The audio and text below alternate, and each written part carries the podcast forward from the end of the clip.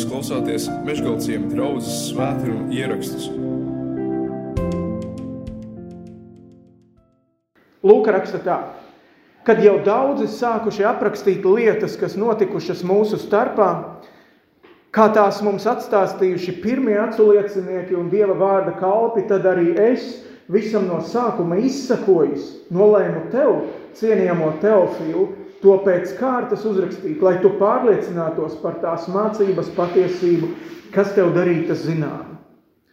Jūdejas ķēniņa Heroda laikā dzīvoja priesteris no abija vienības, Caharija, un viņa sieva no Ārona cilts, vārdā Elizabete. Viņi abi bija taisni Dievu priekšā un staigāja nevainojami visos tā kunga baušļos un likumos. Tiem nebija neviena bērna, jo Elizabete bija neauglīga un abi bija jau labi gados. Bet notika, kad Caharija pēc savas kārtas izpildīja priestera pienākumus Dieva priekšā, un pēc priestera parašas viņam pienācās ieiet tā kunga namā un kvēpināt, bet viss ļaužu pulks ārā lūdza Dievu kvēpināmā stundā. Tad viņam tā kunga eņģelis parādījās, stāvēdams kvēpināmā altāra labajā pusē. Caharija to redzēdams izbijās un bailes to pārņēma. Bet eņģelis uz viņu sacīja: Nebīsties, Caharija, jo tava lūkšana ir paklausīta, un tava sieva Elizabete dzemdēs dēlu, un tu viņa vārdu sauksi Jānis. Un tev būs prieks un līgsmība, un daudzi priecāsies par viņa piedzimšanu, jo viņš būs liels tā kunga priekšā. Vīnu un stipru dzērienu viņš nedzers, un svētais gars viņu piepildīs jau no mātes miesām un daudzus Izraēla bērnus viņš atgriezīs pie tā kunga viņu dievu. Un viņš ies viņa priekšā Elijas garā un spēkā, piegriezdams tēvu sirdis bērniem un neklausīgos taisno domām, sagatavotams tam kungam padevīgus ļaudis. Caharija sacīja eņģelim, kā es to zināšu, jo es pats esmu vecs un mana sieva arī ir jau labi gados. Eņģelis viņam atbildēja, es esmu Gabriels, kas stāv Dievu priekšā un esmu sūtīts runāt ar tevi un tev pasludināt šo prieka vēsti. Zini, tu tapsi mēms un nevarēsi runāt līdz tai dienai, kad šīs lietas notiks. Tāpēc, ka tu nesi ticējis maniem vārdiem, bet savā laikā tie piepildīsies. Un ļaudis gaidīja Cahariju un brīnījās, ka viņš kavējās Dieva namā. Un, kad viņš iznāca, viņš nevarēja uz tiem runāt, un tie noprata, ka viņš Dieva namā bija redzējis parādīšanu. Un viņš tiem meta ar roku un palika mēms. Un, kad viņa kalpošanas laiks beidzās, viņš aizgāja uz mājām. Un pēc šīm dienām Elizabete, viņa sieva, tapa grūta un nerādījās ļaudīs piecus mēnešus sacīdama, to tas kungs man darīs. Viņš šīs dienas izredzējis, lai atņemtu manu negodu ļaužu priekšā. Bet sastajā mēnesī eņģeli Gabrielu Dievs sūtīja uz Galilejas pilsētu Nācereti pie jaunavas, kas bija sadarināta vīram, kam vārds Jāzeps no Dāvida cilts, un jaunavas vārds bija Marija.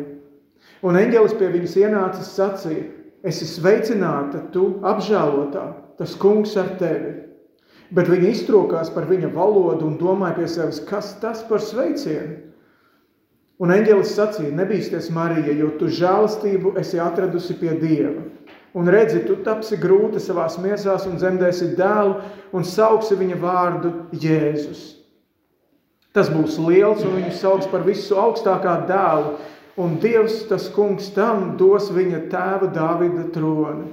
Un viņš valdīs pār Jākaba namu mūžīgi, un viņa valstībai nebūs gala. Bet Marija sacīja eņģelim, Kā tas var notikt, jo es vīra neapzinos? Tad eņģelis atbildēja un uz to sacīja: Svētais gars nāks par tevi, un visaugstākās spēks tevi apēnos. Tāpēc tas, kas no tevis dzims, būs svēts un taps saukts dieva dēls. Zini, Elizabete, tava radiniece, tavā, savā vecumā arī ir grūta ar dēlu un iet tagad sastajā mēnesī, tā, ko devē neauglīgu, jo dievam nekas nav neiespējams. Bet Marija sacīja, redzi, es esmu tā kunga kalpone, lai notiek ar mani pēc tava vārda. Un eņģelis no viņas aizgāja. Tas ir kunga vārds, lai Dievs svētī mūs tos pārdomājot. Lūka, kas visu šo raksta, viņš nav šo notikumu aculiecnieks. bet viņš ir apustuļa Pāvila līdzgaitnieks. Un kā jau es teicu, viņš nav jūts, šķiet, ka viņš dzīvoja kaut kur nu, tagadējās apmēram Turcijas teritorijā varētu būt, jo apustuļu darbos, kurus arī Lūka ir rakstījis, viņš parādās 16. nodaļā, kur apustulis Pāvils atrodas Troādā, un viņ, viņam visas durvis visapkārt ir slēgtas, un vienīgās durvis ir pārcelties pāri jūras šaurumam un nokļūt Eiropā. Un tad tajā vietā, kur nāk tā parādība, un apustulis Pāvils ir gatavs doties iekšā Eiropā pie mums, tajā vietā šis stāstījums pāriet tādā pirmajā formā, pirmajā, tā to sauc, ja? pirmajā personā, jā, es, mēs, ne? mēs Kad to sapratām, mēs skāpām kuģī un cēlāmies pāri. Vai ne? Tātad tur parādās, ka Lūka pievienojas eh, Pāvila ceļojumam. Lūka bija ārsts, taču viņam ir arī ļoti labi novērojams vēsturnieka pieejams, tad, kad viņš visam ir rakstījis, ko viņš ir rakstījis. Eh, jo šķiet, ka viņš ir meklējis avotus. To viņš pats saka šeit. Ja?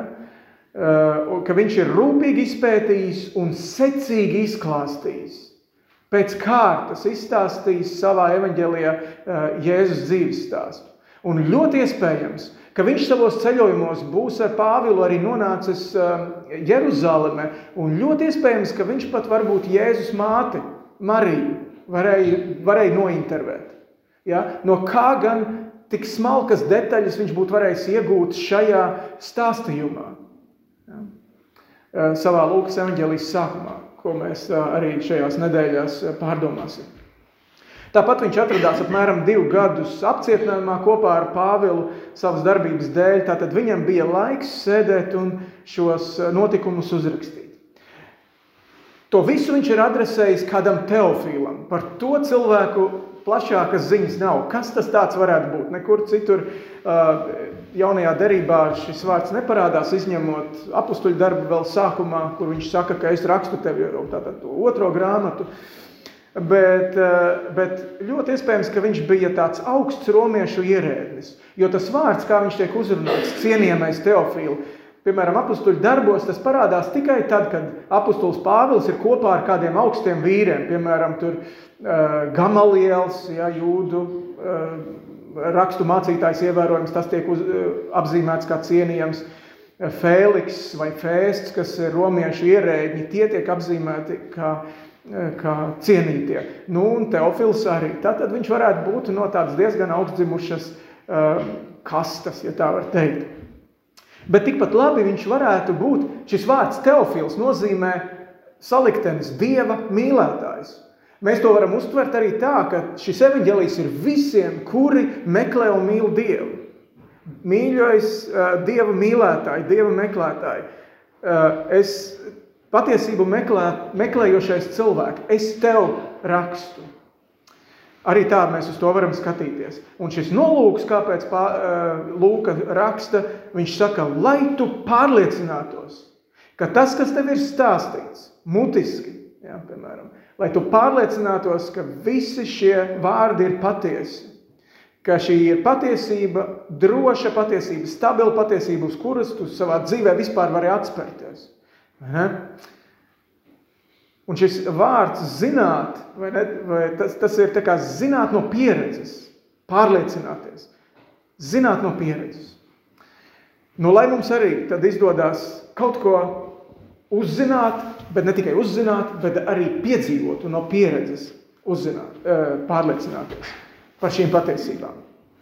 Un savu evaņģēliju tātad Lūka sāk ar divām atklāšanās reizēm caur eņģeli Gabrielu. Un tas pirmais ir viens vecs pāris. Ko mēs par viņiem zinām? To mēs varam izlasīt no 5. panta ka, ka, ka, ka Caharija bija priesteris no abiem vienības, un viņa sieva no Arona cilts, vārda Elizabete.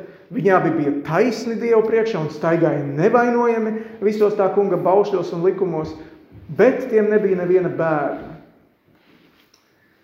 Tātad, ka viņi ir abi no senas priesteru dzimtas, tātad viņiem bija diezgan augsts status tajā sabiedrībā. Viņi bija godīgi un uzticami cilvēki, viņi bija labi cilvēki šajā dzīvē. Viņu dzīvesveids bija nevainojams, bet tā trešā lieta, ko mēs pamanām, ka viņiem nebija bērnu, viņiem nebija pēcteču, viņiem nebija mantinieku. Un toreiz tas nozīmē vēl vairāk. Bērni bija pensijas fonds. Mums šodien ir valsts sociālās apdrošināšanas aģentūra. Viņiem tādas nebija. Viņiem bērni tas nozīmēja arī pensijas atbalsts. Plus vēl no 25. panta mēs varam arī saprast, ka būt bez bērniem, tas bija nu, arī negods. Jo Elizabete tur beigās izsaucās, tas kungs man, man šīs dienas ir izraudzījis, lai atņemtu manu negodu eh, ļaužu priekšā. Un neauglības dēļ, patiesībā, jebkurš vīrs varēja arī savu sievu atstāt, šķirties no viņas. Tas bija pilnīgi legāls iemesls, lai viņš šķirtos. Tajā laikā Caharī to nedarīja. Tajā laikā Izraēlas zemē bija apmēram 20 tūkstoši priesteri, kuri kalpoja templī. Viņi, tas, tas ir liels skaits, viņi bija sadalīti 24 vienībās. Un katra vienība divas reizes gadā kalpoja. Vienu nedēļu un pēc pusgada vēl vienu nedēļu, ja atradās Jeruzalemē templī un kalpoja. Un savā veidā Šī iespēja bija tik reta, ka katram priesterim tā bija vienkārši viņa gada virsotne, ka viņš varēja ceļot uz Jeruzalemi un kalpot savai tautai, templī. Ja? Tas bija gods un tas bija prieks. Un tā kvēpināšana, par kuru šeit ir rakstīts, tā kvēpināšana to priesteru milzīgā skaita dēļ visus tur nevajadzēja, tāpēc viņa tika lozēta. Kurš būs tas, kurš ieies un tās smaržīgās zāles uz kvepināmā altāra noliks? Un daudzi no šiem 20 tūkstošiem nekad tā arī nenokļuva tur tajā tās svētās vietas priekšā pie tā altāra. tā, tā loze, ja tev kristu loze, tad tas bija nu, lielais laimests. Tas bija tavs mūža sapnis, ja kaut kas tāds notika. Tātad Caharijam mēs redzam, ka tas varēja būt vispār kalngalu kalngals, kurā viņš tajā brīdī atradās. Ja? Caharijam bija jāiet un jākvēpina šīs smaržīgās zāles, kas bija uh, lūkšanas simbols. Tauta lūdz Dievu, tas to simbolizēja. Un es domāju, ka Caharija tajā brīdī, kad viņš bija šī unikālajā vietā pie šī kvēpināmā altāra, Es domāju, ka viņš ne tikai lūdza par savu tautu, kur ārpusē stāvēja un gaidīja, ka viņš atgriezīsies un svētīs viņus, bet viņš iespējams, nesa to savu ilgadīgo sāpi arī Dieva priekšā, savu personīgo vajadzību. Jau ilgi bija lūgts, bet tā atbilde nebija nākusi. Vai viņš jau bija noguris, vai jau bija vienaldzīgs, ai, nu es jau esmu, nu jau tas laiks ir garām. Citiem Dievs ir palīdzējis, bet man nē. Vai ir vērts vispār turpināt lūgt, vai ir turp, vērts turpināt cerēt? Bet viņam parādās eņģēlis tajā brīdī, un, un pirmais, ko viņš saka, tava lūkšana ir paklausīta. 13. pantā mēs to ieraugām. Tava lūkšana ir paklausīta Caharija. Ir vērts lūgt, lai tas iedrošina arī mūs šajā rītā. Tu varbūt arī savā sirdī domā, nu es esmu bijis cik nu spējis uzticams Dievam. Es esmu bijis labs un godīgs cilvēks savā dzīvē. Bet kāpēc šī lieta, ko es nesu Dievu priekšā, kāpēc Dievs neatbild? Kāpēc Dievs pieļauj kaut ko tādu? Vai tiešām Dievs ir tik tālu, ka viņš manas lūkšanas nedzird? Viņš dzird tur šī cilvēka lūkšanas, viņš dzird tā cilvēka lūkšanas, bet manējo sāpi viņš nedzird. Vai viņš ir tālu? Es kaut kādā, nu tagad arī varbūt ar tādu smaidu to varu atcerēties, bet man bija knapi, varbūt, nezinu, pāri 20 gadiem, kad, ziniet, ir tās, nu, mīl, mīlestības sāpes plosās vai ne kādreiz. Es pat iztulkoju vienu dziesmu, viņa ļoti skaista dziesma, es pagājušajā nedēļā vēl noklausījos, atradu internetā. Es viņu iztulkoju, ja Dievs tev saka nē, un sabrūk nākotne. Zini, kā 20 gadīgs cilvēks, nu kāda nākotne tur sabrūk, ja? Bet priekš tevis tās tavas mīlestības moks, piemēram, ir tik, tik sāpīgas, vai ne? Ja Dievs tev saka nē un sabrūk nākotni, tas vēl bija pirms Sandras satika. Dievs man iedeva nākotni. Bet katrai lietai ir savs laiks. Katrai lietai ir savs laiks, un Dievs zināja, kad atbildēt Caharijam. Dievs zināja, kad atbildēt Caharijam. Galatiešu vēstulē, 4. nodaļā, 4. pantā Pāvils raksta, mazliet citā kontekstā par citu lietu, bet viņš saka, kad laiks bija piepildījies. Tad Dievs sūtīja savu dēlu, dzimuši no sievas, noliktu zem bauslības, lai izpirktu. Kad laiks bija piepildījies, Chronos, te ir tas vārds, mēs esam runājuši kādreiz par Chronos un Kairos. Ja? Chronos ir tas pulksteņa laiks. Dievs zina, kurā brīdī pienāks tā sekunde, kad viņš atbildēs tev. Viņš nevarēja Cakariem atbildēt ātrāk, kā bija pienācis laiks pestītājam Jēzum dzimt. Un tikai īsi pirms tam viņš sūta eņģeli Gabrielu, lai atklātos šim vecajam uzticīgajam vīram un viņa sievai un teiktu, caur jums nāks tas ceļa sagatavotājs manam dēlam. Kad laiks bija piepildījies, Dievs zina, kad ir laiks. Malajākī grāmata beidzās. Malajākī grāmata ir pēdējā grāmata vecajā derībā. Un es nolasīšu pēdējos teikumus no vecās derības. Pēdējie divi panti ir redzi, Es sūtīšu pie jums pravieti Eliju, iekams nāks tā kunga lielā un šausmu pilnā diena. Viņam būs jāpiegriež tēvu sirdis bērniem un bērnu sirdis saviem tēviem, lai man nebūtu jānāk un nebūtu jāapkrauj visa zeme ar savu lāstu smagumu. Un šeit beidzās vecā derība. Un sākās 400 gadu klusums. Dievs nerunā 400 gadu Tauta vienkārši turpina to savu kalpošanu, un tur ir klusums, un nav, un nav neviena dieva vārda. Neviens pravietis vairs nenāk, nekas neceļās. Un tad šeit parādās eņģelis Caharijam pie kvēpināmā altāra, un, uh, un 17. pantā viņš saka, un viņš ies Šis bērniņš, šis Jānis Kristītājs, kas piedzimis, viņš ies viņa, Jēzus priekšā, Elijas garā un spēkā, piegriezdams tēvu sirdis bērniem un neklausīgos taisno domām, sagatavotams tam kungam padevīgus ļaudis. Jūtat, tas ir tas pats malajākajā apsolījums. Šeit eņģelis saka, būs, tagad, nu, es beidzot runāju, Dievs beidzot runā. Laiks ir pienācis. Nekas nav nokavēts. Arī es neko nenokavēju gaidīdams Sandru jā, līdz 30 gadu vecumam. Slavu Dievam par to. Paldies Dievam. Mēs kādreiz varam būt pārsteigti, ja Dievs runā. Tas gan. Mēs varam būt pārsteigti, kad Dievs sāk runāt, bet viņš nekad nav bijis tālu no mums.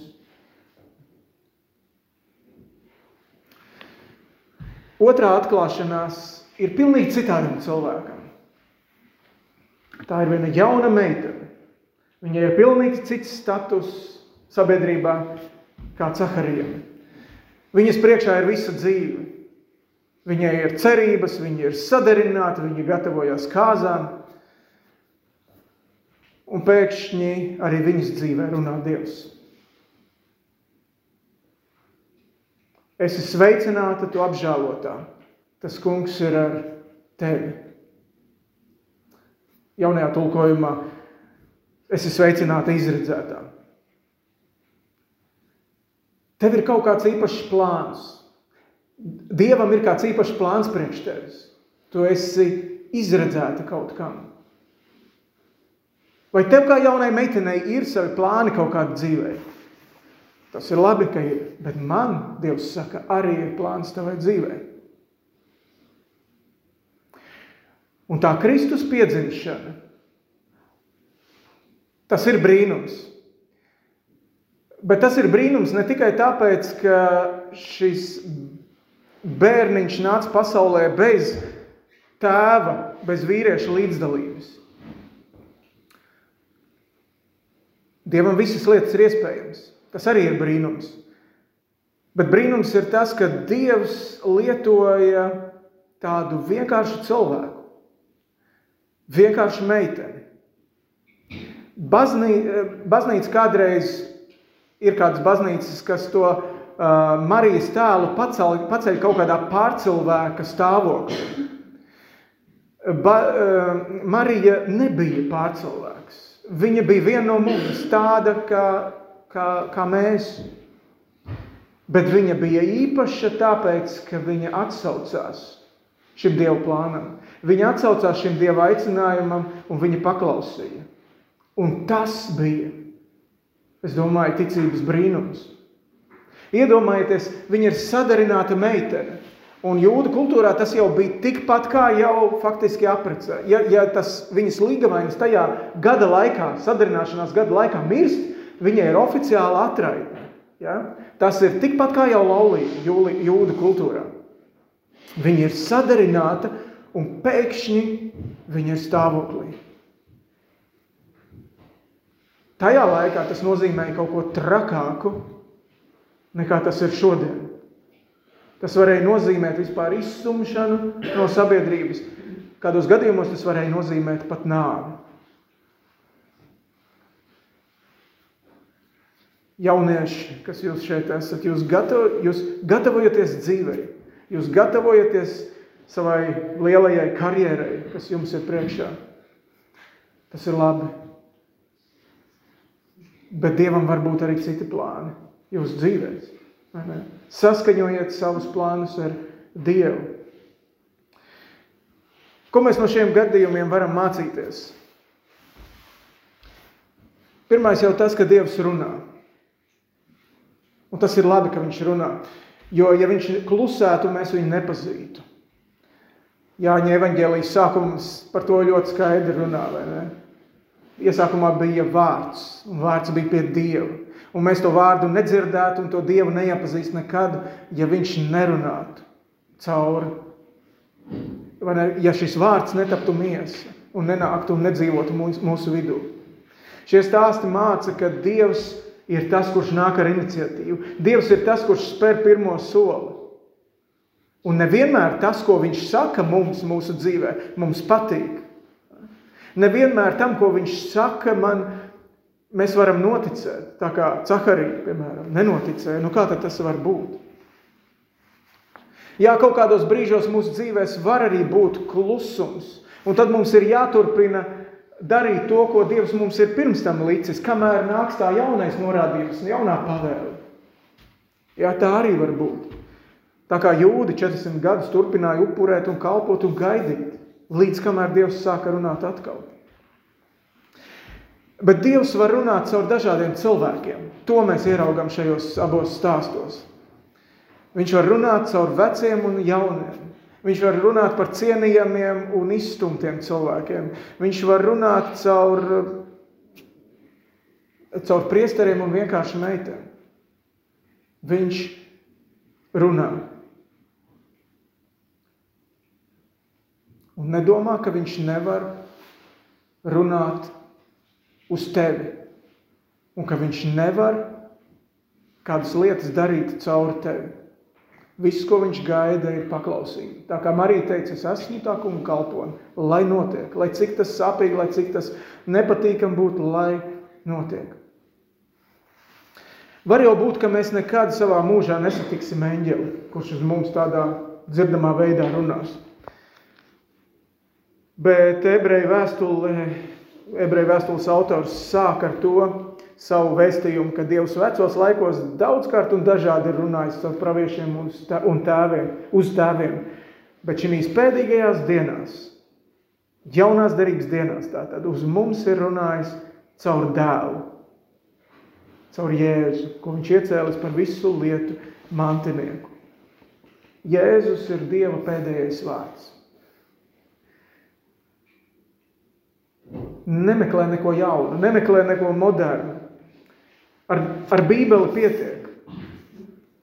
Cik reižu tu esi nu, savā ikdienā, kad tu apsēdies un lasi, kad tu lūdz un klausies. Un vai tu to dari regulāri? Jo tas ir veids, kā Dievs runā. Ne tik bieži caur eņģeļiem šajos laikos, bet caur Dievu vārdu. Visbiežāk viņš runā tā. Un varbūt, šī ir laba atmai, apņemšanās, ko mēs varam sākt atkal šī adventa laikā. Apņemties arī jaunajā gadā. Ļaut Dievam runāt caur grāmatu. Šeit visa viņa, viņa griba ir. Viņa prāts tavai dzīvei. Dievs nav tālu, Dievs ir mūsu vidū. Viņa vārdi, domas, griba, viss šeit ir atklāts. Lasi un lūdz, un tu dzirdēsi Dieva balsi. un tad, kad tu to saproti, ko viņš saka, tad dari, jo bez paklausības tām zināšanām nav nekādas jēgas.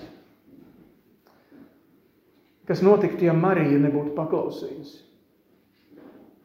To mēs nezinām. Tas paliek aiz kadra. Varbūt, ka, ka Gabriels bija gājis vēl pie kādām citām meitenēm, pirms Marijas. Varbūt viņš būtu gājis pēc Marijas atkal vēl tālāk un meklējis kādu atsaucīgu, paklausīgu sirdi. Es, to mēs nezinām. Ne? Bet ja Marija nebūtu paklausījusi, kas būtu noticis, ja Miķels Lācis, šīs draudzes dibinātājs pirms simt uh, trīs gadiem, ne? nebūtu paklausījis tam, ko viņš bija apsolījis Dievam? Šeit nebūtu draudze. Kas notiks, ja tu nepaklausīsi tam, ko Dievs saprot? Tas ietekmēs gan tavu dzīvi, gan tavu ģimenes dzīvi, gan, gan tavu apkārtni droši vien. Būsim dzirdīgi, būsim paklausīgi, lai Dievs svētī. Pielūksim Dievu. Dargais Tēvs, Mēs tev pateicamies, ka tu runā. Paldies, ka tu runā caur savu dēlu. Paldies, ka tu runā caur dažādiem cilvēkiem. Un mums nav jāskatās vienam uz otru un jāsaka, ah, viņš jau ir labāks, viņš ir gudrāks, viņš ir izglītotāks, viņš ir dievbijīgāks.